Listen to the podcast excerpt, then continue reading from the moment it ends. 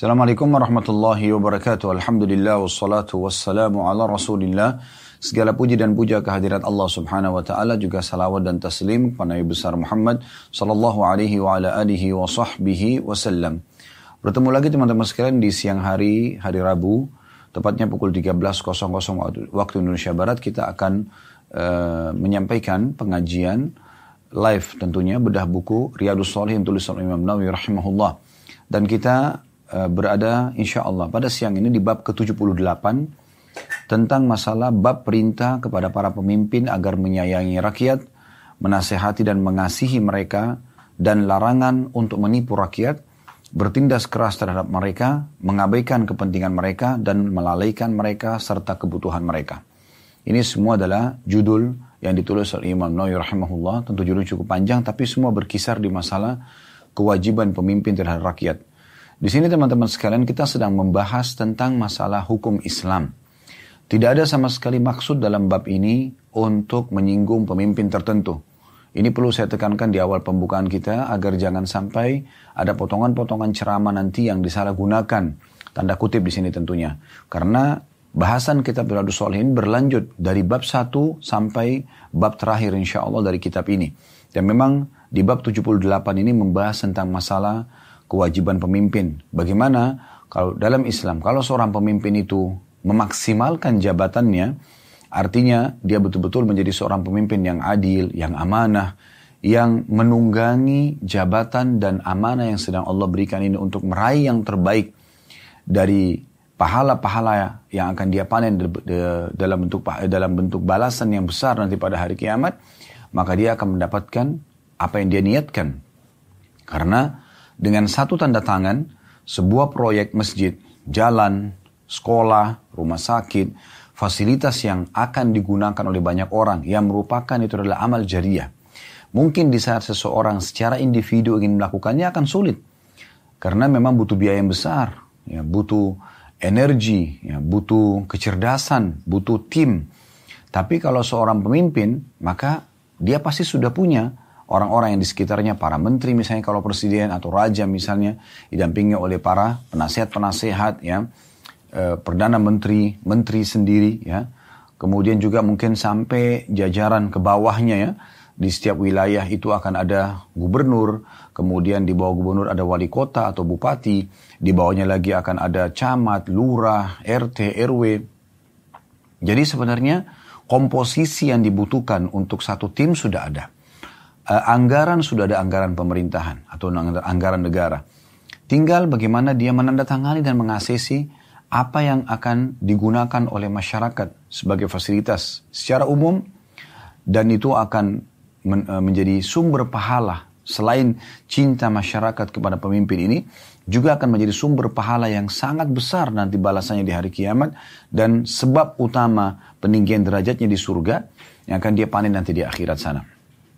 Oleh karena itu, seorang pemimpin yaitu bisa mendapatkan apa yang sudah kita sampaikan tadi atau kami sampaikan tadi.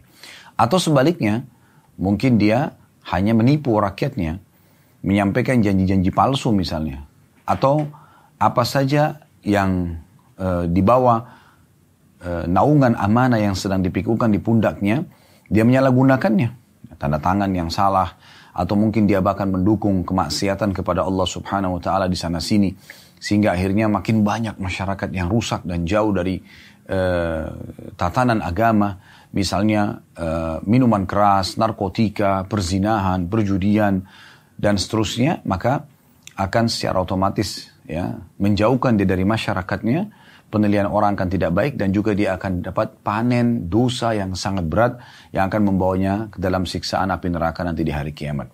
Oleh karena itu teman-teman sekalian bagi orang yang sedang diamanahkan uh, amanah ya kepemimpinan ini apa pun sifatnya di negara mana pun gitu kan di waktu dan di masa kapan pun hukum Islam akan berlaku sama kapan dia berlaku adil dan memaksimalkan jabatannya untuk meraih yang terbaik dari hati masyarakatnya dan balasan yang besar dari Allah pada hari kiamat nanti maka dia akan dapatkan. Dia menipu masyarakatnya, dia akan terjauhkan dari masyarakatnya dan dibenci, serta juga di akhirat dia akan dapat ancaman yang berat. Oleh karena itu, kita akan bahas insya Allah beberapa bab ke depannya. Bab 78, bab 79. Seingat saya sampai bab terakhir dalam bab ini yaitu bab ke-83 masih berhubungan dengan masalah kepemimpinan yang dibahas. ya, sampai bab 83 yaitu bab larangan menyerahkan kepemimpinan atau jabatan hakim dalam bentuk dan bentuk kewenangan lainnya kepada seseorang yang memintanya atau berambisi kepadanya sehingga dia menawarkan diri untuk memikulnya. Itu bab terakhir nanti di masalah kepemimpinan ini bab ke-83. Jadi dari mulai bab 78 sampai 83 ini di 78, 79, 80, 81, 82, 83, 6 bab semuanya berbicara tentang masalah kepemimpinan. Baik kita akan mulai teman-teman sekalian tentang bab ini, bab 78 saya ulangi lagi, bab perintah kepada para pemimpin agar menyayangi rakyat, menasihati dan mengasihi mereka, dan larangan untuk menipu rakyat, bertindak keras, bertindak keras terhadap mereka, mengabaikan kepentingan mereka dan melalaikan mereka serta kebutuhan mereka.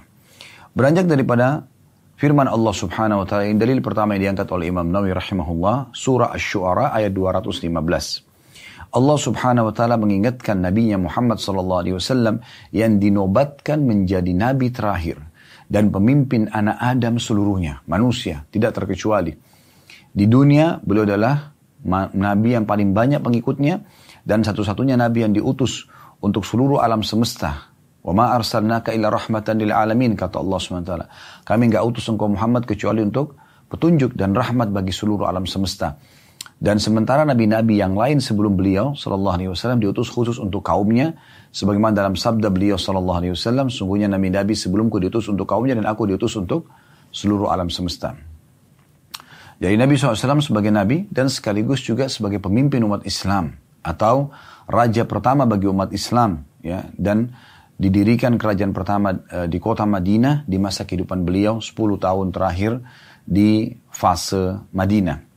Allah subhanahu wa ta'ala mengingatkan beliau sebagai pemimpin, sebagai nabi, sebagai suri tauladan dalam surah Ash-Shu'ara ayat 215. Dan harusnya setiap pemimpin muslim memahami apa yang telah Allah maksudkan dalam ayat ini. Bunyinya, Waqfid janahaka liman ittaba'aka minal mu'minin. Dan rendahkan dirimu terhadap orang-orang beriman yang mengikutimu. Makna merendahkan di sini bukan menghinakan diri. Ya, tapi bagaimana dia merendah dan berbaur bahasa agama kita tawadu. Dia tidak menyombongkan diri dengan kedudukan dan jabatannya. Tapi dia berbaur dengan masyarakat. Seorang pemimpin yang berbaur dengan masyarakatnya dan terlihat selalu hadir dalam kehidupan mereka, memenuhi kebutuhan-kebutuhan mereka, ya, uh, tidak tidak pernah gaib atau alpa di uh, kondisi dan keadaan yang sedang diharapkan ada pemimpin hadir di sana. Dan itu telah dicontohkan oleh Nabi SAW. Sholat lima waktu aja beliau mengimami muslimin di kota Madinah. Kecuali beliau sedang safar atau beliau sedang sakit keras di akhir hidupnya. SAW baru beliau tidak memimpin sholat. Tapi selain itu beliau selalu hadir. Artinya semua masyarakat muslim atau masyarakat setempat bisa bertemu dengan Nabi SAW setiap hari lima kali. Waktu sholat. Belum lagi beliau keliling di kota Madinah. Mengunjungi para sahabat. Mengunjungi pasar-pasar. Ya uh, menjenguk orang yang sakit, ya, men, me, me, membentuk dan uh, menginstruksikan pasukan yang akan keluar membela kota Madinah pada saat itu. Jadi beliau hadir dalam kehidupan masyarakatnya. Dan ini yang dimaksud dengan merendahkan diri kepada para pengikut maksudnya adalah bagaimana berbaur dengan mereka. Mereka merasa ada pemimpin yang menaungi mereka, melindungi mereka, selalu hadir dalam kehidupan-kehidupan mereka selalu memenuhi kebutuhan-kebutuhan yang mereka butuhkan. Maka itu tujuan utama pemimpin dipilih tentunya. Dan ini wasiat yang luar biasa langsung dari sang raja yang sebenarnya Allah Subhanahu wa taala kepada pemimpin anak Adam yaitu Nabi Muhammad sallallahu alaihi wa ala alihi wa sahbihi wasallam. Kemudian beliau mengangkat dalil yang kedua yaitu diambil dari surah An-Nahl ayat 90 yang bunyinya إن الله يأمر بالعدل والإحسان وإيتاء ذي القربى وينهى عن ال... وينهى عن الفحشاء والمنكر والبغي يعيدكم لعلكم تذكرون Sesungguhnya Allah telah menyuruh kalian berlaku adil. Ini pesan pertama. Kemudian berbuat kebajikan. Dalam setiap waktu dan detik kehidupan kita di dunia selalu buat kebajikan-kebajikan. Itu wasiat yang kedua. Yang ketiga, memberi bantuan kepada kerabat. Ini pesan yang ketiga. Kemudian pesan yang keempat dan dia melarang kalian berbuat perbuatan keji. Pesan yang kelima, berbuat kemungkaran, dilarang. Pesan keenam, dan juga berbuat permusuhan. Ini semua dilarang. Jadi ada tiga yang diwasiatkan untuk berbuat baik, dan ada tiga yang dilarang tentunya. Lalu Allah mengatakan, dia Allah memberi pengajaran kepada kalian agar kalian dapat mengambil pelajaran darinya. Ya. Jadi ayat ini memberikan gambaran kepada kita dimulai dari para pemimpin baru kemudian masyarakat ya yang ada dalam kehidupan manusia tentunya. Ya. Di sini wasiatnya yang pertama adalah Allah Subhanahu wa taala mengatakan Allah menyuruh kalian untuk memerintahkan kalian berlaku adil. Tidak ada pembelaan terhadap kezaliman. Siapa pun dia, mau dia itu adalah uh, sanak kerabat sendiri, anak sendiri pun, pasangan sendiri, orang tua sendiri, kerabat secara umum, ataupun orang-orang yang kita cintai, kalau berbuat salah maka salah. Kalau berbuat benar maka benar. Dan itulah yang dimaksud dengan keadilan. Tidak ada pilih kasih. Yang benar-benar yang salah-salah. Dan itu harus menjadi sifat dasar setiap pemimpin muslim. Mereka berlaku adil.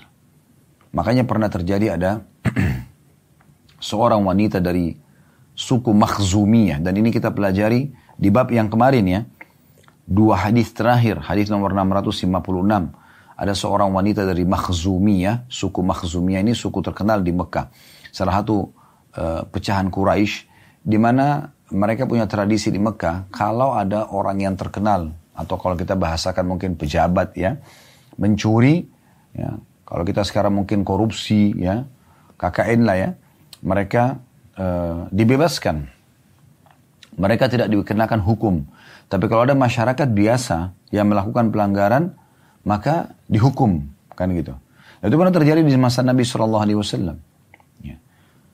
Maka Nabi Shallallahu Alaihi Wasallam mengingatkan dengan sangat tegas pada saat itu, karena para sahabat sempat berdiskusi satu sama yang lain, karena mereka ma masih baru masuk Islam dan ini baru hari-hari pertama hijrah di uh, ke kota Madinah, gitu kan. Baru beberapa waktu berdirinya kerajaan Islam dan peraturan Islam diterapkan. Karena di fase Mekah, 13 tahun awal penobatan Nabi SAW sebagai Nabi, itu belum bisa diterapkan syariat Islam. Karena orang-orang Quraisy menekan muslimin. Tapi di fase Madinah 10 tahun terakhir, mereka sudah menerapkan itu. Namun, keyakinan tentang masalah orang yang punya jabatan tidak dihukum dan masyarakat biasa dihukum ini masih melekat maka sebagian sahabat mengatakan, ada nggak yang bisa melobi Nabi Shallallahu Alaihi Wasallam supaya Nabi uh, bisa tidak memberikan hukuman kepada wanita suku Makhzumiyah ini. Dikenal dengan Imra'atun Imra'atul Makhzumiyah ya. Uh, di sini di riwayat tidak, tidak disebutkan namanya tapi dikatakan seorang wanita dari suku Makhzumi. Mungkin karena dia adalah orang terhormat maka seperti masa jahiliyah tidak kena hukum potong tangan pada saat itu. Maka mereka melobi mencari siapa kira-kira di antara sahabat yang paling pantas untuk ngomong, ngomong atau menyampaikan ini kepada Nabi SAW. Mereka temukan ya, Usama bin Zaid radhiyallahu anhu Ya, karena dia dikenal sebagai kekasih Nabi SAW. Ayahnya Zaid bin Haritha, anak angkat Nabi SAW dan kekasih Nabi. Usama dikenal dengan keka, anak kekasih Nabi. Jadi dia juga kekasih Nabi SAW. Orang Nabi SAW sangat mencintai Usama. Maka Usama pun akhirnya masuk dan melobi Nabi SAW agar memberikan pembebasan hukum terhadap wanita suku Makhzumiyah ini. Maka Nabi SAW pada saat itu marah kepada Usama sambil mengatakan, Atashfa'u fi haddin min hududillahi ta'ala. Apakah kau berani, hai Usama, memberikan penolongan, syafaat, ya, perlindungan pada orang yang kena hukuman dari hukuman-hukuman Allah? Maka beliau SAW kemudian berdiri lalu langsung berkhutbah di hadapan orang orang-orang pada saat itu sambil mengatakan innama ahlaka man qablakum. Sesungguhnya orang-orang yang sebelum kalian telah dibinasakan oleh Allah annahum kanu idza saraka fihi musyarifu taraku. Karena kalau orang yang terhormat di antara mereka mencuri dibiarkan. Wa idza saraka fihi mudha'ifu aqamu alaihi al namun kalau orang yang susah orang miskin yang mencuri di tengah-tengah mereka mereka hukum. Waimu wa'aimullah lau anna Fatimah binta Muhammadin sarakat laqata'tu yadaha. Ya. Maka Nabi SAW mengatakan, demi Allah, kalau seandainya Fatimah anaknya Muhammad mencuri, maka aku akan memotong tangannya. Sebagian ulama hadis mengatakan, Nabi SAW memberikan perumpamaan anaknya Fatimah karena bisa saja dua kemungkinan. Yang pertama, karena memang uh, wanita makhzum ini bernama Fatimah juga.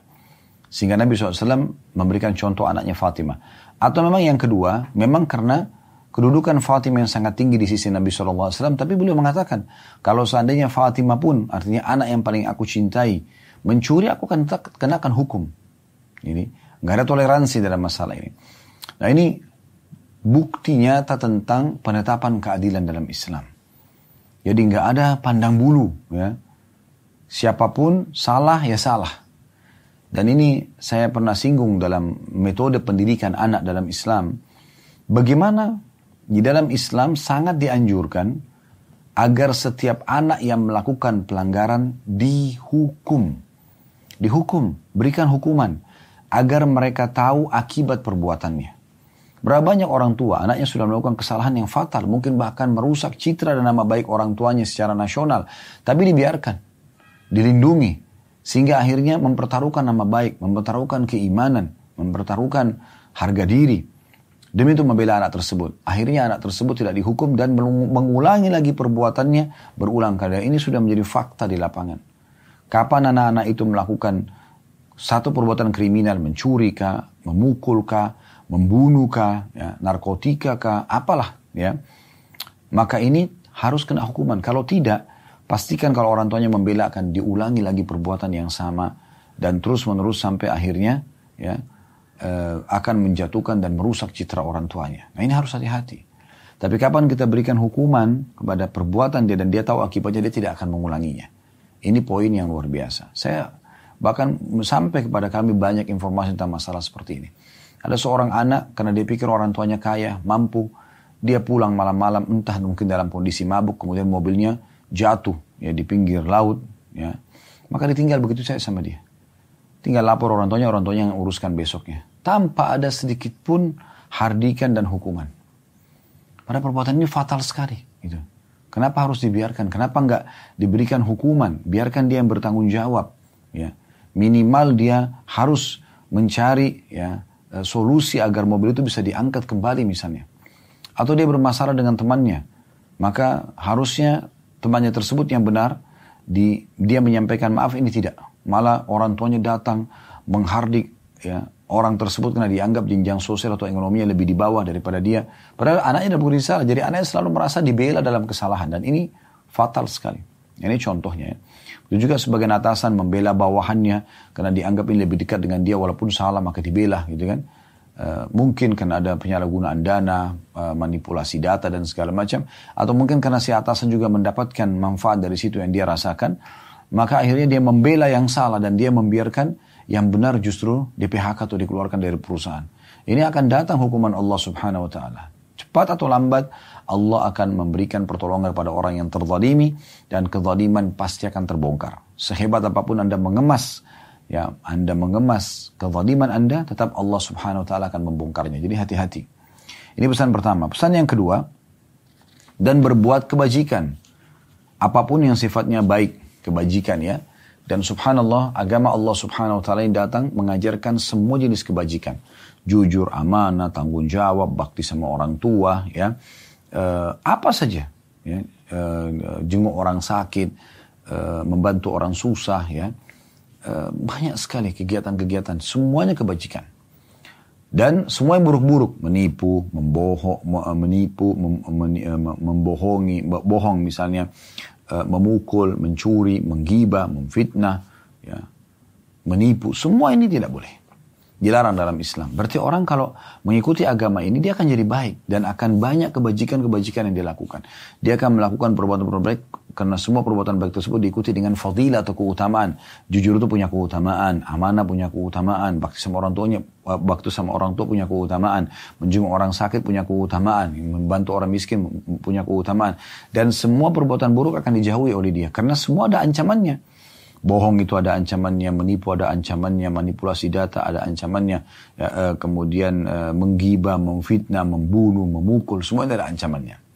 Nah ini semua kebajikan. Jadi disuruh semuanya kebaikan yang kita lakukan.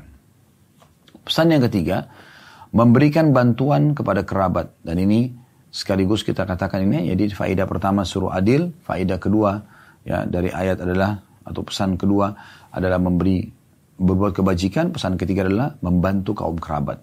Ya. Tentu di sini pesan yang kedua tadi melakukan kebajikan masuk dalam umumnya semua orang kita bantu, kita berbuat baik sama mereka. Tapi pesan yang ketiga ini lebih khusus lagi kepada sanak kerabat. Karena ada orang subhanallah, begitu Allah bukakan pintu rezeki, yang dia pertama rupakan adalah para kerabatnya. Saudaranya, pamannya, tantehnya, orang tuanya bahkan sendiri. Ada bahkan orang anak-anaknya dilupakan. Ya. Dia tidak peduli lagi dengan kebutuhan-kebutuhan dasar mereka. Padahal sebenarnya ini adalah kewajiban, bukan pilihan. Ya. Baik, kemudian pesan yang keempat, dan ini masuk dalam larangan, tiga larangannya, yaitu Allah melarang melakukan perbuatan keji. Perbuatan keji, perbuatan di sini lebih kepada zina, ya, kemudian e, semua perbuatan yang orang merasa terganggu secara umum, ya, e, mencuri dan seterusnya, ya. Butuh kemungkaran. Ini ini larangan yang kedua. Mungkar itu artinya semua yang dilarang dalam agama, masuk globalnya ya. Kalau keji lebih khusus gitu. Pesan yang ketiga permusuhan. Ya, ini kita sayangkan sekali kadang-kadang ada orang untuk naik jabatan, malah dia menggunakan manajemen konflik ya, bagaimana dia mencari isu-isu untuk menjatuhkan rivalnya ya. Di pilkada, di pilpres, sayang sekali. Kenapa kita tidak menunjukkan kelebihan kita saja? Kita menunjukkan komitmen kita uh, pada janji-janji yang kita sampaikan kepada masyarakat dan kita realisasikan supaya tidak akan ada tuntutan hari kiamat. Saudaraku seiman, sebagai seorang muslim menasihati muslim yang lain, apalagi Anda yang diberikan amanah dan tanggung jawab. Kalau Anda memiliki permusuhan dengan satu orang saja, satu orang saja, maka sudah cukup orang itu bisa memanen pahala Anda seluruhnya pada hari kiamat. Tergantung kadar banyaknya kesalahan Anda lakukan pada dia. Kalau Anda tiap hari gosipin dia, tiap hari Anda gibah dia, fitnah dia, atau menipu dia, atau mendalimi dia, tidak memberikan haknya atau mengambil haknya. Misal contoh. Maka pastikan ini, teman-teman sekalian. Pastikan ini semua ya akan menjadi penyebab masalah anda pada hari kiamat. Sebagaimana sabda Nabi SAW, apakah kalian tahu siapa orang yang bangkrut? Kata para sahabat, ya Rasulullah, orang yang tidak ada dirham dan dinarnya. Bisnis lalu habis uangnya semua. Kata Nabi SAW, bukan itu. Orang yang bangkrut adalah orang yang datang pada hari kiamat. Ya, orang yang datang pada hari kiamat tidak ya uh, membawa pahala sholat, pahala puasa, pahala haji, pahala sedekah. Tapi dari sisi lain, pernah memukul orang yang ini, pernah mengambil haknya orang yang itu, ya, pernah mendalimi orang yang ini. Maka mereka semua datang pada hari kiamat menuntut, ya, di sisi Allah subhanahu wa ta'ala, maka Allah akan membayar orang-orang yang terdalimi tersebut dengan pahala-pahala dia. Ya sholatnya, ya puasanya, ya hajinya, ya sedekahnya. Kata Nabi SAW, kalau habis semua pahala dia, dan masih ada yang menuntut, ya, maka akan diambil dari dosa-dosa orang yang menuntut itu, orang yang berzina dia yang dihukum. Orang yang riba dia yang dihukum. Orang yang menipu dia yang dihukum. Orang yang durhaka sama orang tua dia dihukum. Orang yang membunuh dia yang dihukum. Diambil dosa-dosa ini lalu ditimpakan pada dia. Sudah habis pahalanya untuk dibayar. Di akhirat tidak bisa lagi orang bayar dengan uang. Di dunia Anda masih bisa negosiasi dengan uang. Anda masih bisa ya sedikit tebal muka Anda minta maaf kepada orang. Walaupun Anda dihina. Tapi Anda lepas dari hisap hari kiamat. Dibandingkan hari kiamat tidak bisa Anda harus bayar dengan pahala Anda. Kalau tidak ada, tidak cukup, maka Anda akan menanggung dosa orang lain. Kata Nabi SAW ini orang yang bangkrut yang sebenarnya dan nanti dia akan dilemparkan karena banyaknya dosa yang tertumpuk pada dia dan habis pahalanya ke api neraka jaraknya lebih jauh daripada timur dan barat. Wa Oleh karena itu harus hati-hati sekali ya. Jangan sampai teman-teman sekalian kita memunculkan ya, musuh-musuh kita yang akan berhadapan dengan kita pada hari kiamat. Itu kalau satu orang. Kalau kalau seorang pemimpin itu bisa belasan orang kalau sebuah instansi kecil, bisa puluhan orang, bisa ratusan orang, bahkan bisa ribuan orang kalau sudah perusahaan besar. Kalau pemimpin wilayah bisa jutaan orang, ya bahkan seperti negara kita besar Indonesia, masya Allah ratusan juta orang yang akan ya e, semua akan bisa menjadi penolong bagi dia karena dia berbuat kebajikan dan keadilan pada hari kiamat, dia panen pahala mereka semua, atau malah bisa menjadi masalah buat mereka atau buat dia para pemimpin ini, atau pemimpin ini, maka akan menjadi masalah buat dia karena mereka akan menuntut hak-haknya pada hari kiamat. Dan ini poin yang harus diperhatikan baik-baik. Baik teman-teman sekalian, kita akan masuk ke hadis pertama dalam bab kita ini. Hadith ini nomor 658 dari awal belajar berbunyi saya bacakan langsung dari Ibnu Umar radhiyallahu anhuma. Beliau berkata saya mendengarkan Rasulullah sallallahu alaihi wasallam bersabda kullukum ra'in wa kullukum mas'ulun ar ra'iyati. Al imamu ra'in wa mas'ulun ar ra'iyati. Wal rajulu ra'in fi ahlihi wa mas'ulun ar ra'iyati. Wal mar'atu ra'iyatun fi baiti zawjiha wa mas'ulatun ar ra'iyatiha. Wal khadim ra'in fi mali sayyidihi wa mas'ulun ar ra'iyati. Wa kullu kullukum ra'in wa mas'ulun ar-ra'iyati. Hadis ini muttafaqun alaih itu riwayat Bukhari Muslim. Terjemahannya, setiap orang dari kalian adalah pemimpin dan setiap orang yang bertanggung setiap orang akan bertanggung jawab terhadap apa yang dipimpinnya. Imam atau pemimpin negara ya, adalah pemimpin dan bertanggung jawab terhadap rakyatnya. Suami adalah pemimpin dalam rumah tangganya dan dia bertanggung jawab terhadap keluarganya. Istri adalah pemimpin di rumah suami dan bertanggung jawab terhadap kewajibannya. Dan pembantu adalah pemimpin dalam urusan harta majikannya dan bertanggung jawab terhadap tugasnya. Setiap orang dari kalian adalah pemimpin dan bertanggung jawab terhadap apa yang dipimpinnya. Hadis ini riwayat Bukhari Muslim ya. Hadis ini teman-teman sekalian, hadis yang paling umum diangkat oleh para ulama-ulama hadis dalam bab kepemimpinan. Ya. Dan di sini dirincikan ada empat golongan yang disebutkan bertanggung jawab. Ya. Kita langsung saja masuk pelajaran pertama dari hadis atau faedah pertama yaitu kullukum ra'in wa kullukum mas'ulun ar-ra'iyati.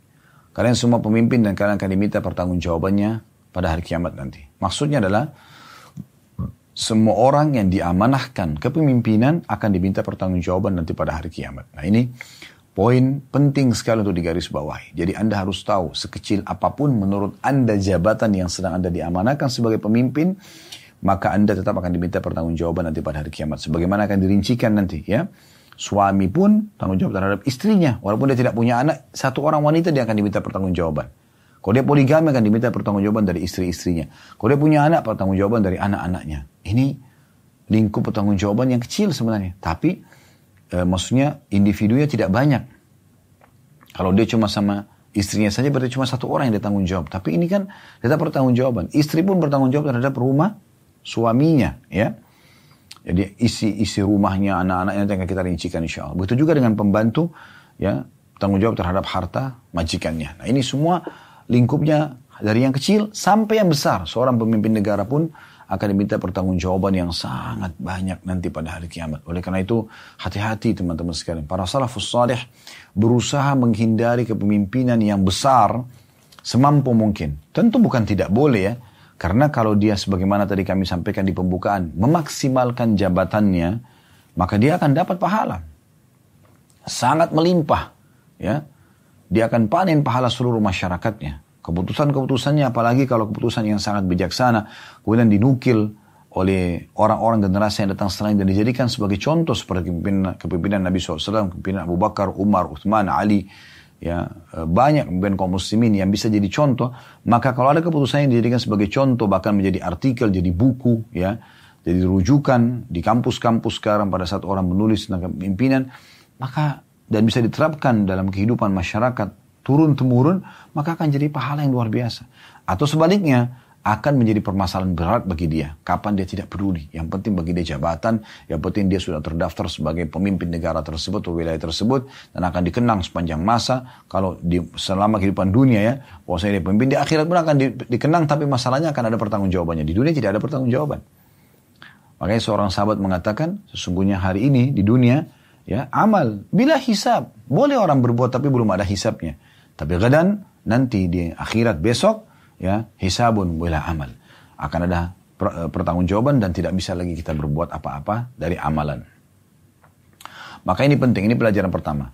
Pelajaran kedua dari hadis, ya, faedah kedua yang bisa kita ambil adalah mulai dari al-imamu ra'in wa mas'ulun ar-ra'iyati. Bahwasanya seorang pemimpin negara itu adalah bertanggung jawab terhadap masyarakatnya. Ini luar biasa. Ini bisa menjadi sumber pahala yang maksimal sebagaimana saya bahasakan tadi atau bahkan bisa menjadi permasalahan yang berat bagi dia pada hari kiamat. Ya, ala baiknya para para pemimpin itu pada saat pertama mereka dinobatkan lakukan apa yang dilakukan oleh para salafus saleh, mereka naik uh, berpidato lalu menyampaikan ini adalah amanah yang telah dipikulkan kepada saya. Semoga ya saja saya bisa uh, apa namanya menjalankan tanggung jawab ini sebagaimana Abu Bakar mengatakan kalau saya benar dukunglah. Kalau saya salah ingatkanlah dan ini turun temurun dibahasakan oleh para raja-raja muslim. Ya sampai ini pun diucapkan mirip oleh Umar bin Abdul Aziz rahimahullah. Jadi banyak di antara para imam-imam pemimpin itu memang menyampaikan ini di awal dan di tengah-tengah kepemimpinan mereka mereka jalankan realisasikan janji-janji mereka mereka angkat semua kezaliman mereka sebarluaskan keadilan mereka berikan hak-hak dan kewajiban, akhirnya mereka meraih cinta dan kasih sayang masyarakatnya, dan juga mereka akan panen pahala yang sangat besar pada hari kiamat nanti, yang mungkin tidak bisa dijangkau kalau orang secara individual. Ya, ini harus menjadi seorang pemimpin dulu. Nah ini penting untuk digarisbawahi tentunya ya. Namun, kapan dia salah dalam melangkah, dia hanya janji palsu saja, dia hanya sekedar menipu masyarakatnya. Nanti akan ada beberapa hadis yang kita akan bahas ke depannya. Maka ini akan terharamkan dari surga. Terharamkan dari cinta uh, masyarakatnya dan juga terharamkan dari surga pada hari kiamat. Tempat abadi yang menjadi target setiap orang-orang beriman. Baik kemudian selanjutnya pesan atau faedah yang ketiga dari hadis adalah warrajulu ra'in fi ahlihi wa mas'ulun ar-ra'iyati dan seorang laki-laki akan diminta pertanggungjawaban terhadap istrinya. Ya. Dan bisa masuk di sini uh, keluarga, ya. istri dan anak. Dan dia akan diminta pertanggungjawaban pada hari kiamat. Ini juga poin yang perlu untuk digarisbawahi bagi setiap suami. Anda sebagai suami bertanggung jawab terhadap istri Anda. Kapan dia tidak sholat, tidak tutup aurat, ya, melakukan pelanggaran-pelanggaran agama, Anda diminta pertanggungjawabannya. Kecuali Anda sudah mengingatkan dan dia tidak mau mendengar, maka di saat itu kalau Anda bertahan dengan rumah tangga itu, Anda lepas tanggung jawab. Tapi kalau Anda lepaskan, maka selesai. Gitu kan? Biarkan dia berumah tangga dengan orang lain, Anda bisa menikah dengan wanita saleha yang tentu mendukung Anda untuk kegiatan-kegiatan ya ibadah dan ketaatan kepada Allah SWT yang nanti akan Anda bersama juga dengan dia di akhirat sebagaimana bersama di dunia. Nah ini poin yang perlu untuk di garis bawahi tentunya ya. Penting sekali. Oleh karena itu setiap laki-laki harus tahu dia bertanggung jawab dia harus hati-hati sekali dalam memberikan instruksi dan keputusan di rumah tangga. Dan yang paling penting adalah bagaimana dia menyadari dia kawamu ala nisa. Dia adalah pemimpin kaum wanita. Jangan diserahkan kepemimpinan pada istri. Istri dilindungi disayangi ya dipimpin dididik ya diatur. Itu benar jangan terbalik Jangan malah terbalik. Dia memberikan, menobatkan istrinya sebagai pemimpin sehingga semua keputusan di tangan istrinya. Ini nggak bisa. Dia bertolak belakang dengan fitrah dan perintah sang pencipta Allah subhanahu wa ta'ala. Rumah tangga tidak akan stabil kalau istri yang mengatur semuanya. Hanya istri suaminya menjadi seorang yang dipimpin. Jadi seakan-akan keluar dari fitrah dan kodratnya. Ini nggak bisa. Harusnya seorang suami memahami masalah ini. Dia lindungi, dia naungi, dia mengatur, dia mengambil keputusan. Yang penting dia berlaku adil. ya Dia benar-benar dalam keputusan tersebut. Begitu juga dan memberikan hak karena akan diminta pertanggungjawaban. Demikian juga ya tentunya sang istri harusnya bisa memberikan dukungan kepada suami. Bagaimana pendapat kamu? Pendapat saya begini, tapi terserah. Gitu. Karena pemimpin adalah Anda. Nah begitu, itu yang benar. Tapi kalau Anda cemberut sebagai istri, Anda malah tidak mau memberikan uh, peluang kepada suami justru untuk mengambil keputusan, maka di saat itu Anda juga akan bertanggung jawab nanti. Ya. Allah akan tanyakan kenapa melampaui batas yang sudah saya tentukan. Allah tidak mengangkat istri sebagai pemimpin di rumah tangga, tapi pemimpin adalah sang suami. Nah, ini perlu digarisbawahi. Jadi bagaimana dia harus melindungi, dia harus mendidik, dia harus mengamankan, ya, memberikan keamanan uh, kepada istri dan anak-anaknya. Pesan yang keempat adalah khusus bagi para istri. Wal mar'atu ra'iyatun fi baiti zawjiha wa mas'ulatun ar ra'iyatiha. Dan istri juga bertanggung jawab terhadap rumah suaminya dan akan di, dan dia bertanggung jawab dan akan diminta pertanggungjawabannya pada hari kiamat. Yang dimaksud di sini adalah bertanggung jawab terhadap ya, rumah suaminya. Apa pun yang suami sudah siapkan di rumah, maaf saya bahasakan dengan kecil, sendok, garpu, piring, gelas, ini semua amanah amanah ukti muslimah. Hati-hati. ya Pakaian yang sudah suami siapkan, lemari, ranjang, dijaga, dirawat. Itu tugas Anda. Jangan dianggap remeh masalah ini. Ya. Anda rawat itu karena Allah SWT perintahkan, Anda bertanggung jawab, Anda akan dapat pahala. Atau kalau tidak, Anda akan dapat dosa. Berapa banyak istri yang ditanya oleh suaminya, mana ini saya? Oh nggak tahu, hilang. Loh kok bisa hilang? Nggak tahu. Akhirnya suami beli lagi. Ini semua ada pertanggung jawabannya, hati-hati. Ya. Jadi ini bukan masalah pelit, bukan. Tapi perintah Allah subhanahu wa ta'ala. Allah akan suruh itu. Jadi memang bagian daripada syariat adalah menata rapi rumah, merawat barang-barang dan perabot yang ada, ya, merawat pakaian, dan segala macam hal lah. Yang membuat suami itu kalau masuk rumah merasa nyaman, tentram, karena memang terawat semuanya. Ada sebagian istri subhanallah yang Allah berikan taufik, semuanya barang-barang itu bahkan sudah belasan tahun mungkin terawat dengan rapi. Bahkan ada yang puluhan tahun. Bahkan sampai dia meninggal pun masih bisa dipakai oleh anak cucunya. Karena perawatan yang luar biasa. Ini semua pahala yang luar biasa didapatkan. Tapi ada sebagian istri tidak. Baru beli hari ini besok sudah rusak. Dan yang disalahkan alatnya. Memang alatnya nggak bagus padahal sudah beli mahal-mahal. Mungkin dianya yang salah. Cuma daripada dia disalahkan maka lebih baik dia berdusta misalnya. Ya Mungkin dia yang salah colok, ya. Mungkin ini, mungkin itu, sehingga akhirnya terjadilah kerusakan misalnya. Kenapa nggak minta maaf dan kemudian berjanji akan coba menjaga lebih baik lagi ke depannya. Nah ini perlu digarisbawahi tentunya ya. Karena semua akan diminta pertanggungjawaban pada hari kiamat. Jadi jangan selalu mengatakan saya tidak tahu. Tanya mbak, mbak tidak tahu ya sudah berarti hilang barangnya. Loh subhanallah. Gitu kan. Ini tanggung jawab anda. Anda harus tahu semua itu. Pesan yang kelima. Ya, yaitu pesan wal khadimu ra'in fi mali sayyidihi wa mas'ulun ar dan seorang ya, pembantu adalah pemimpin dalam urusan harta majikannya dan bertanggung jawab terhadap tugasnya. Kan pembantu paling sering ditinggalkan di rumah nih. Nah semua itu tetap tanggung jawabnya. Jadi majikannya pergi bukan berarti dia merusak mencuri mengambil. Nggak boleh. Semua tanggung jawab ya. Anda diberikan gaji untuk itu. Makan makanan dan minuman yang telah anda diberikan gitu kan Jangan pakai fasilitas yang ada tidak diizinkan untuk menggunakannya. Ya.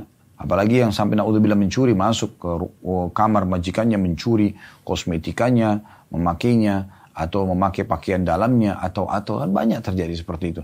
Ini semua tidak dibolehkan, sama sekali tidak dibenarkan. Maka ini harus hati-hati karena ini semua bertanggung jawab ya. Jadi bukan hanya sekedar jadi pembantu masuk ke rumah orang, enggak. Kemudian terima gaji, bukan seperti itu. Tapi Anda harus tahu kalau Anda akan bertanggung jawab terhadap rumah tersebut. Ya, ini penting untuk digarisbawahi tentunya ya. Kemudian pesan yang terakhir ditutup oleh Nabi SAW, pesan yang keenam, wa kullukum ra'in wa mas'ulun ar-ra'iyati. Diulangi lagi poin yang pertama tadi, dan ingatlah kalian semua pemimpin dan akan diminta pertanggungjawabannya pada hari kiamat. Secara detail akan ditanyakan oleh Allah Subhanahu wa taala. Hati-hati sebagai pemimpin negara, sebagai suami, sebagai istri, sebagai pembantu rumah tangga, semua akan diminta pertanggungjawabannya pada hari kiamat oleh Allah Subhanahu wa taala. Baik kita akan masuk hadis terakhir yang kita bahas pada kesempatan ini yaitu hadis nomor 659 ya, 659 atau kita coba lihat keadaannya. Kalau memungkinkan kita akan lanjutkan insya Allah sampai 663 karena ini mirip-mirip hadisnya ya. Tapi kita coba bacakan dulu. Hadis nomor 659 dari Abu Ya'la Ma'qil bin Yasar radhiyallahu anhu beliau berkata, saya mendengarkan Rasulullah SAW bersabda, "Ma min 'abdin yastar'ihi Allahu ra'iyah, yamutu yawma yamutu wa huwa ghashun li ra'iyatihi illa haramallahu alaihi al-jannah." Hadis ini riwayat Bukhari Muslim. Terjemahannya, tidak ada seorang hamba yang diberi amanah memimpin rakyat oleh Allah. Kemudian dia mati pada hari dia mati dalam keadaan berbuat curang terhadap rakyatnya, melainkan Allah mengharamkannya masuk surga. Dalam riwayat lain, falam yahutha binushihi lam yajid raihatal jannah. Dan lalu dia tidak melindungi rakyatnya dengan sikap tulusnya maka dia tidak akan mendapatkan aroma surga. Dan dalam riwayat Imam Muslim dikatakan ma min amirin yali umur al muslimin thumma la yajhadu lahum wa yansahu lahum illa lam yadkhul ma'ahumul jannah tidak ada seorang penguasa yang memegang urusan kaum muslimin, kemudian dia tidak berusaha maksimal untuk mereka dan tidak tulus untuk kepentingan mereka, melainkan dia akan masuk surga, melainkan dia tidak akan masuk surga bersama mereka. Hadis ini hadis yang sangat mulia teman-teman sekalian. Berisikan ya kita bisa ambil beberapa faedah. Yang pertama, adanya ya, larangan bagi seseorang yang diberikan amanah kepemimpinan kemudian dia berbuat curang, ya, rasyun, curang terhadap masyarakatnya, curang luas sekali, ya, curang terhadap ya, e, menyelisihi eh, janji-janji yang sudah disampaikan sehingga dia berlaku curang. Dia janjikan A akan berikan B, akan bebaskan ini dan itu, ternyata tidak. Nah ini curang berarti. Atau dia mengambil yang bukan haknya.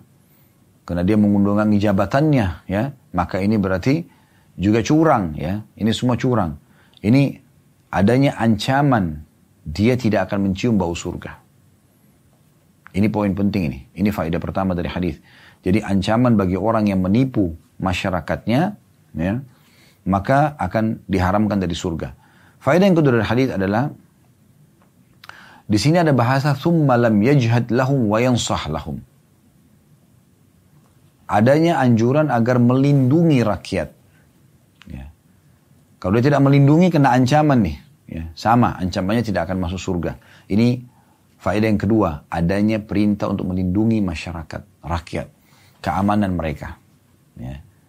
Dan ini penting sekali untuk diperhatikan. Keamanan individual di rumahnya, di tempat kerjanya, dan juga keamanan secara umum negara dari serangan-serangan musuh.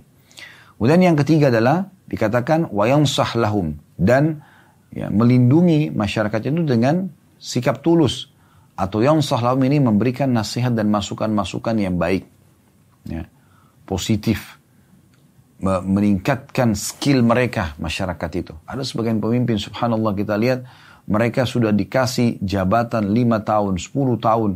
Tidak ada perubahan yang terjadi. Apa yang mereka lakukan dalam masa-masa ini? Padahal masa 5 tahun bukan waktu yang sedikit.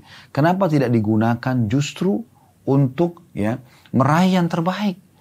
Apa yang dia bisa berikan buat negaranya, buat masyarakatnya, buat agamanya? Dan nanti dia juga panen dalam bentuk pahala hari kiamat. Mana anda dari anggaran untuk jalanan, untuk jembatan, untuk sumur, untuk sekolah-sekolah, untuk rumah sakit, memakmurkan masyarakat, menentaskan, menghilangkan kemiskinan, ya, meningkatkan ya, SDM, skill yang ada di masyarakat supaya negaranya menjadi menjadi negara yang maju, ya, teknologinya, pendidikannya, ekonominya, uh, militernya, semuanya Sebagaimana banyak negara-negara yang maju melakukan perbuatan-perbuatan tersebut. Kenapa tidak semua negara-negara terutama pemimpin muslim untuk melakukan perbuatan tersebut. Ini luar biasa kesempatan emas Anda lakukan, gitu kan? Ya, dan jangan sebaliknya, Anda akhirnya selesai dari jabatan, Anda tinggal tunggu tuh, ya. Tinggal tunggu Anda meninggal dalam kondisi penyakit kronis, Anda akan dituntut dengan doa-doa orang-orang yang terzalimi. Di hari kiamat Anda akan tunggu, akan ada tuntutan-tuntutan wajah-wajah orang yang sudah Anda zalimi akan datang pada hari kiamat dan akan menuntut Anda, menghabiskan semua pahala kebaikan Anda. Ini resikonya berat sekali. Oleh karena itu, dikatakan sini, pemimpin yang menipu masyarakatnya, pemimpin yang tidak melindungi, pemimpin yang tidak tulus dalam menjalankan tugasnya atau memberikan masukan atau memberikan yang terbaik bagi masyarakatnya, maka mereka akan terharamkan dari aroma surga, apalagi masuk surga. Artinya masuk ke neraka maknanya, gitu kan? Ya, itu berat pada hari kiamat. Kalau orang-orang muslim walaupun dalam hatinya ada seperti biji sawi dari keimanan, tentu saja dia tidak akan mungkin mau ya terjerumus dalam ancaman ini. Baik kita coba lanjutkan sampai menyelesaikan hadis e, bab ini karena saya melihat mirip-mirip hadisnya. Mohon maaf tadi saya sempat bahasakan mungkin hadis 659 terakhir tapi saya lihat sampai hadis 663 ini agak mirip jadi kita selesaikan satu bab ya bab 78 pada kesempatan ini. Hadis ke-660 berbunyi dari Aisyah radhiyallahu anha beliau berkata, "Sami'tu Rasulullah sallallahu alaihi wasallam yaqul fi baiti hadza, Allahumma man waliya min amri ummati syai'an fashaqqa alaihim fashquq alaihi." وَمَنْ وَلِيَ مِنْ أَمْرِ أُمَّةِ شَيْئًا فَرَفَقَ بِهِمْ فَرْفُقْ بِهِ Hadis ini riwayat Muslim. Kata Ummul Mukminin Aisyah radhiyallahu anha, saya mendengarkan langsung Rasulullah sallallahu alaihi wasallam berdoa di rumahku ini. Artinya beliau berikan kesaksian kalau dia dengar langsung dan di rumah ini sebagai saksinya. Ya Allah, siapapun yang memegang sebagian dari urusan umatku, mesti jadi pemimpin mereka. Lalu ia memberatkan mereka, maka beratkanlah ia. Dan siapa yang memegang sebagian dari urusan umatku lalu dia bersikap lemah lembut kepada mereka. Maka perlakukan dia dengan lemah lembut. Hadis ini, hadis 660 memberikan pelajaran yang banyak sekali kepada kita. Ya, Khususnya nasihat ini kepada para pemimpin. Tidak usah lihat kami yang membahasakannya. Tapi lihat pesan dari Nabi Muhammad SAW kepada anda, wahai para pemimpin muslim. Nabi SAW mendoakan doa yang luar biasa. Kita langsung ambil dua faedah dari hadis. Potongan pertama hadis adalah doa kebaikan, uh, doa keburukan ya dan ancaman bagi orang yang menyusahkan muslimin. Sebagaimana Nabi SAW mengatakan Allah man, Allah man waliya min amri ummati syai'in fasyaqqa alaihim fasyuk alaihi.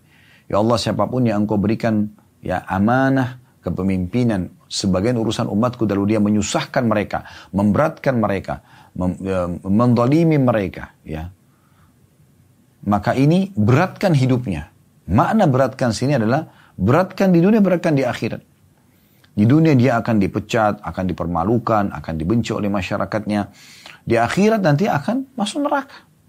Itu ancamannya, karena banyak sekali orang yang nuntut.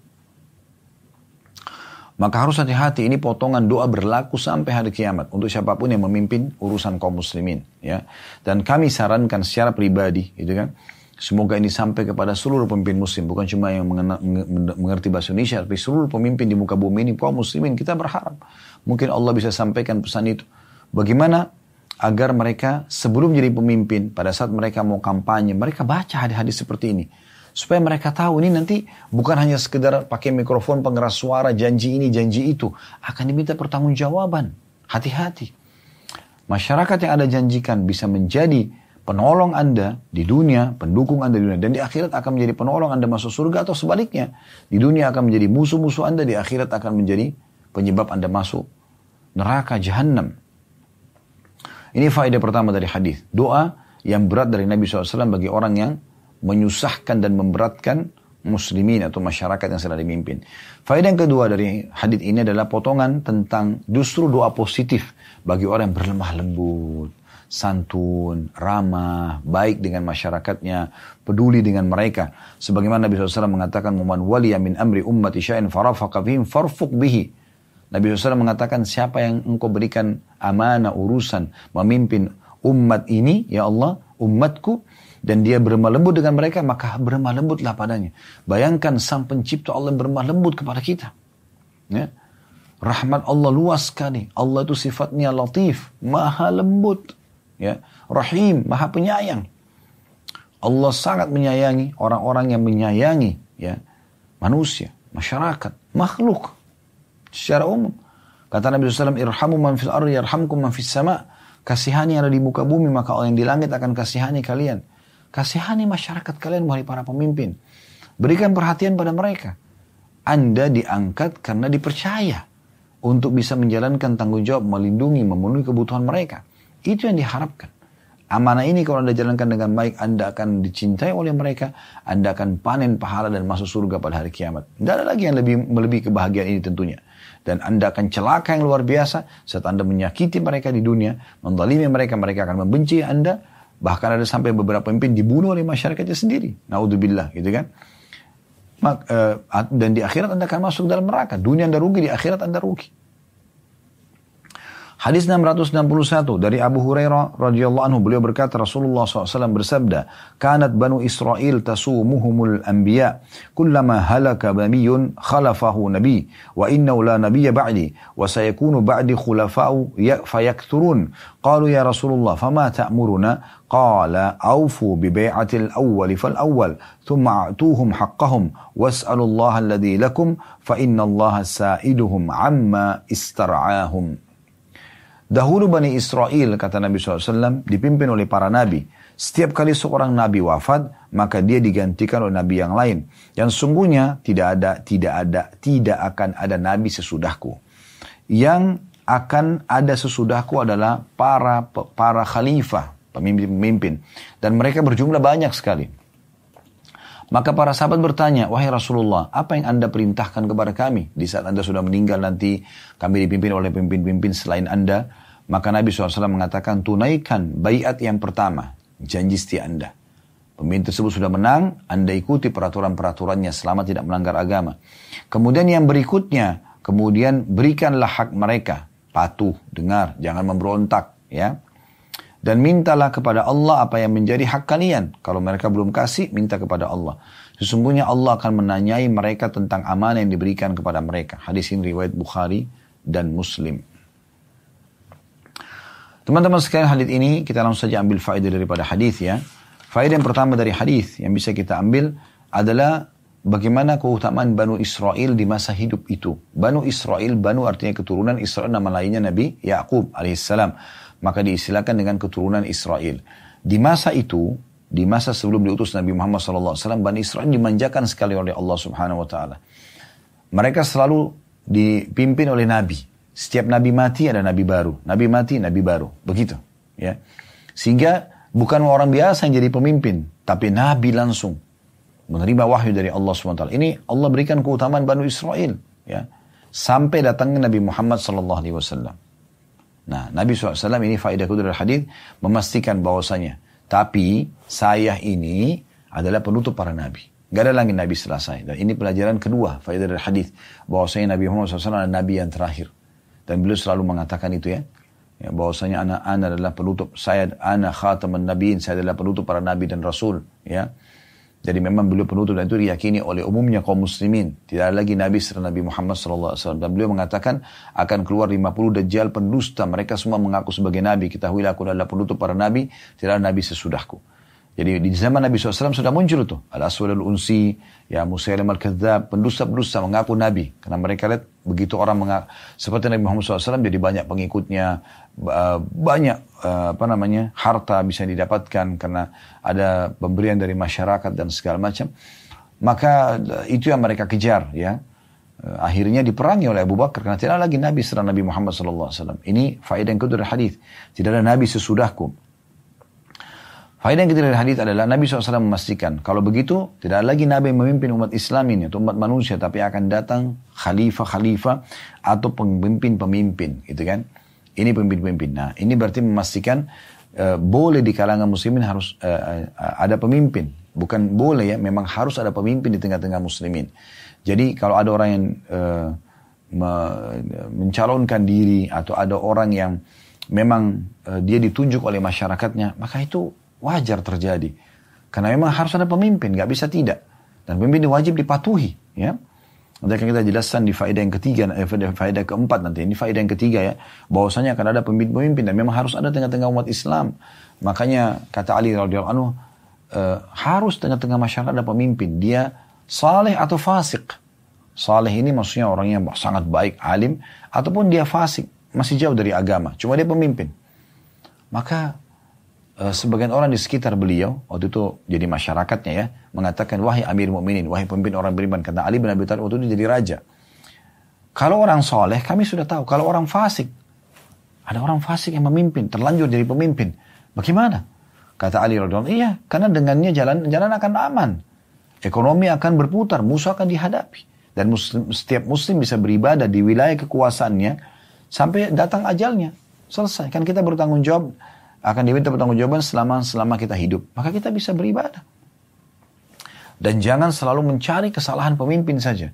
Karena pemimpin juga manusia biasa. Tapi bagaimana kita rame-rame mendoakan kebaikan-kebaikan. Mendoakan agar mereka dapat hidayah. Daripada sedikit ada masalah, turunkan, lenserkan, ganti. Itu mau diganti sama siapa? Gitu kan. Apakah yang datang setelahnya lebih baik daripada dia? Kenapa kita tidak menjalankan contoh-contoh dan sunnah-sunnah dari Nabi SAW disuruh patuh.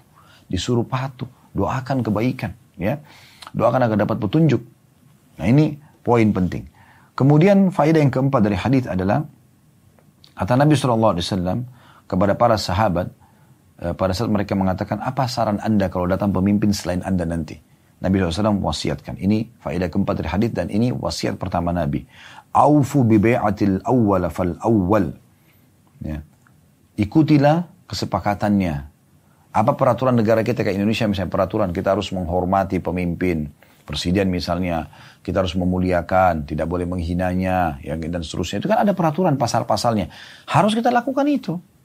Tidak boleh orang sembarangan ngomong, caci maki, buat karikatur, apa. Nggak boleh ini, saudaraku Simen. Islam tidak membolehkan itu.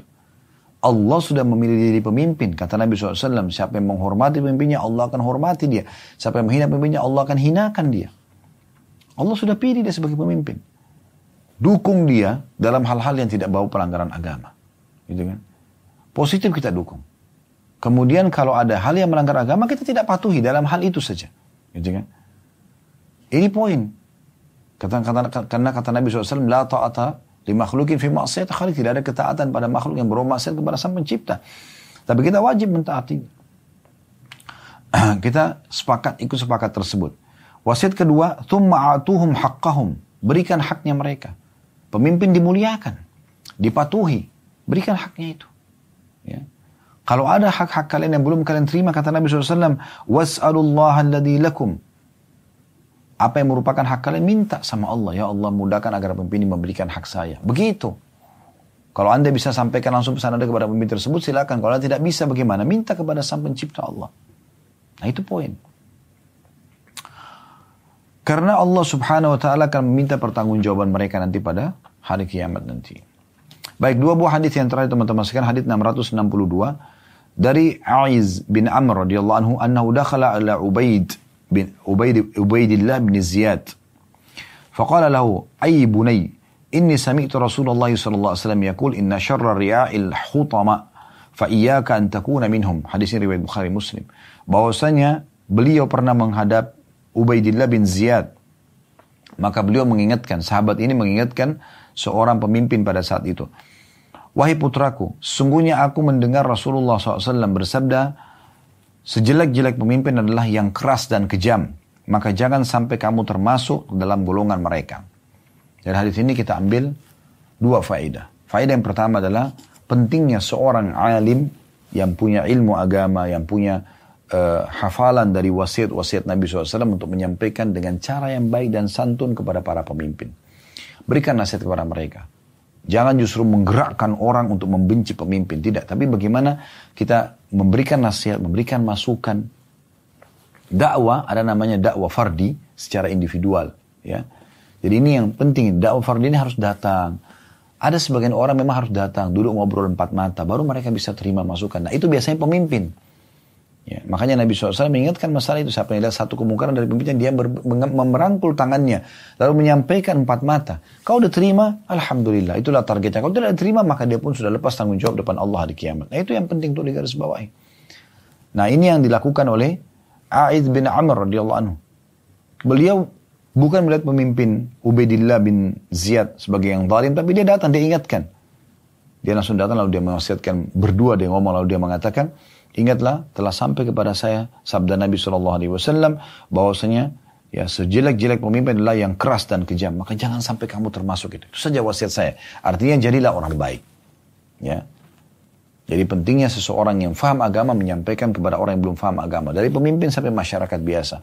Dan tentu kami berharap agar para pemimpin dan masyarakat yang diberikan masukan pun bisa menerima. Ya, panduan agama karena agama adalah panduan hidup. Faedah kedua dari hadis adalah bahwasanya pemimpin yang paling berat hukumannya di hari kiamat nanti, yang paling jelek di sisi Allah Subhanahu wa taala adalah dua sifatnya yang keras dan kejam. Dan ini memang selalu bersaudara ya. Kalau orang keras biasanya kejam. Kalau orang kejam biasanya keras, itu pasti itu. Maka ini pemimpin yang paling buruk.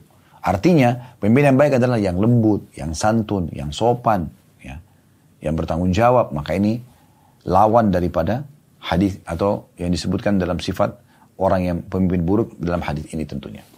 Baik hadis terakhir teman-teman sekalian, hadis nomor di bab ini maksud saya dan kita bahas pada siang ini hadis 663 ya, yang berbunyi dari Abu Maryam Al-Azdi radhiyallahu anhu annahu qala li Muawiyah radhiyallahu anhu sami'tu Rasulullah sallallahu alaihi wasallam yaqul man wallahu man, man wallahu Allahu syai'an min umuri muslimin. Man wallahu man wallahu Allah ya maaf man wallahu man wallahu Allahu syai'an min umuri muslimin fahtajaba duna hajatihim wa khal wa khal wa khallatihim wa fakrihim ihtajaba Allahu duna hajati wa khallatihi wa fakrihi yaum al-qiyamah faja'ala Muawiyah rajulan ala ala hawaij nas. Hadis ini riwayat Abu Daud dan Tirmidzi terjemahannya bahwasanya Abu Maryam Al-Azzi radhiyallahu anhu mengatakan ya atau berkata kepada pemimpin pada saat itu bernama Muawiyah radhiyallahu anhu sahabat Nabi mengingatkan sahabat Nabi yang lain saya mendengarkan Rasulullah SAW telah bersabda barang siapa yang diberi amanah oleh Allah untuk menangani sebagian dari urusan kaum muslimin, lalu dia menutup diri dari hajat, kebutuhan dan keperluan mereka, maka Allah menutup diri dari hajat, kebutuhan dan keperluannya pada hari kiamat.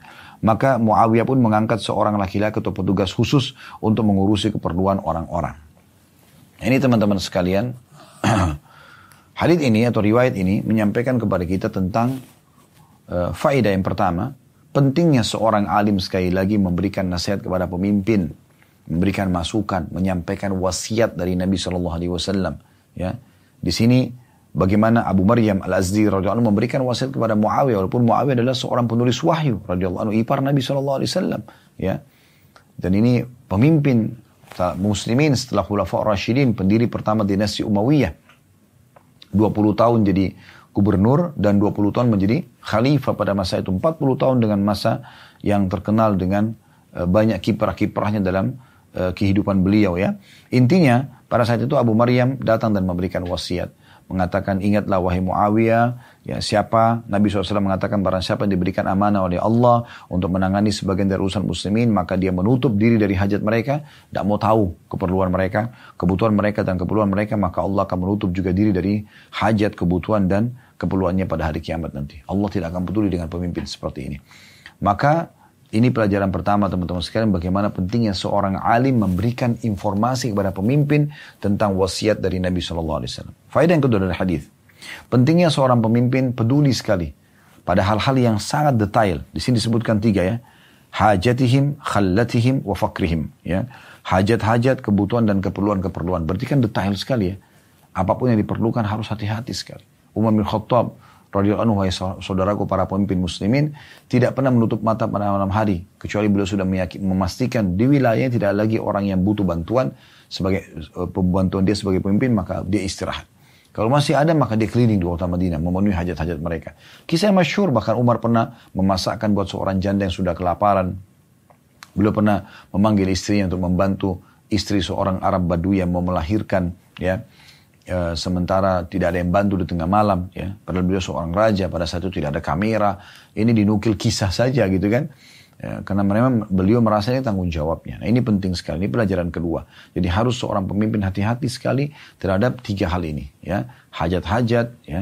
Kemudian kebutuhan dan juga keperluan masyarakatnya. Pelajaran yang ketiga dari hadis adalah bahwasanya e, pentingnya seorang seseorang yang telah sampai kepadanya wasiat nasihat itu kalau positif ambil. Jangan merasa, ah ini siapa sih yang memberikan nasihat kepada saya? Enggak.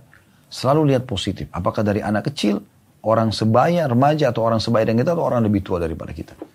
Selama itu masukan positif dan bisa menyelamatkan kita dari rusaknya citra, ya, jatuhnya harga diri, tanggung jawab yang berat pada hari kiamat, maka kita ambil nasihat tersebut. Muawiyah sebagai pemimpin pada saat itu, ya, beliau punya kebesarannya, bisa punya kedudukan, Uh, bukan juga orang biasa, dia sahabat Nabi, ipar Nabi, seorang penulis wahyu. Dia adalah radhiyallahu anhu uh, salah satu di antara orang yang dijadikan rujukan oleh para sahabat, terutama di negeri Syam, ya, atau rujukan muslimin. Intinya teman-teman sekalian, beliau pada saat menerima wasiat ini tanpa menunggu lagi, langsung merealisasikan. Angkat seorang pegawai khusus untuk memecahkan dan mendengarkan permasalahan orang secara detail, kemudian dipecahkan dan diselesaikan oleh Muawiyah radhiyallahu anhu. Ini insya Allah hadis-hadis yang kita bahas pada bab ke-78 dan insya Allah ke depannya kita akan masuk bab ke-79 lebih khusus lagi ada bahasan masalah bab pemimpin yang adil insya Allah. Subhanakallah bihamdika asyhadu an la ilaha illa anta astaghfiruka wa atubu ilaik. Wassalamualaikum warahmatullahi wabarakatuh.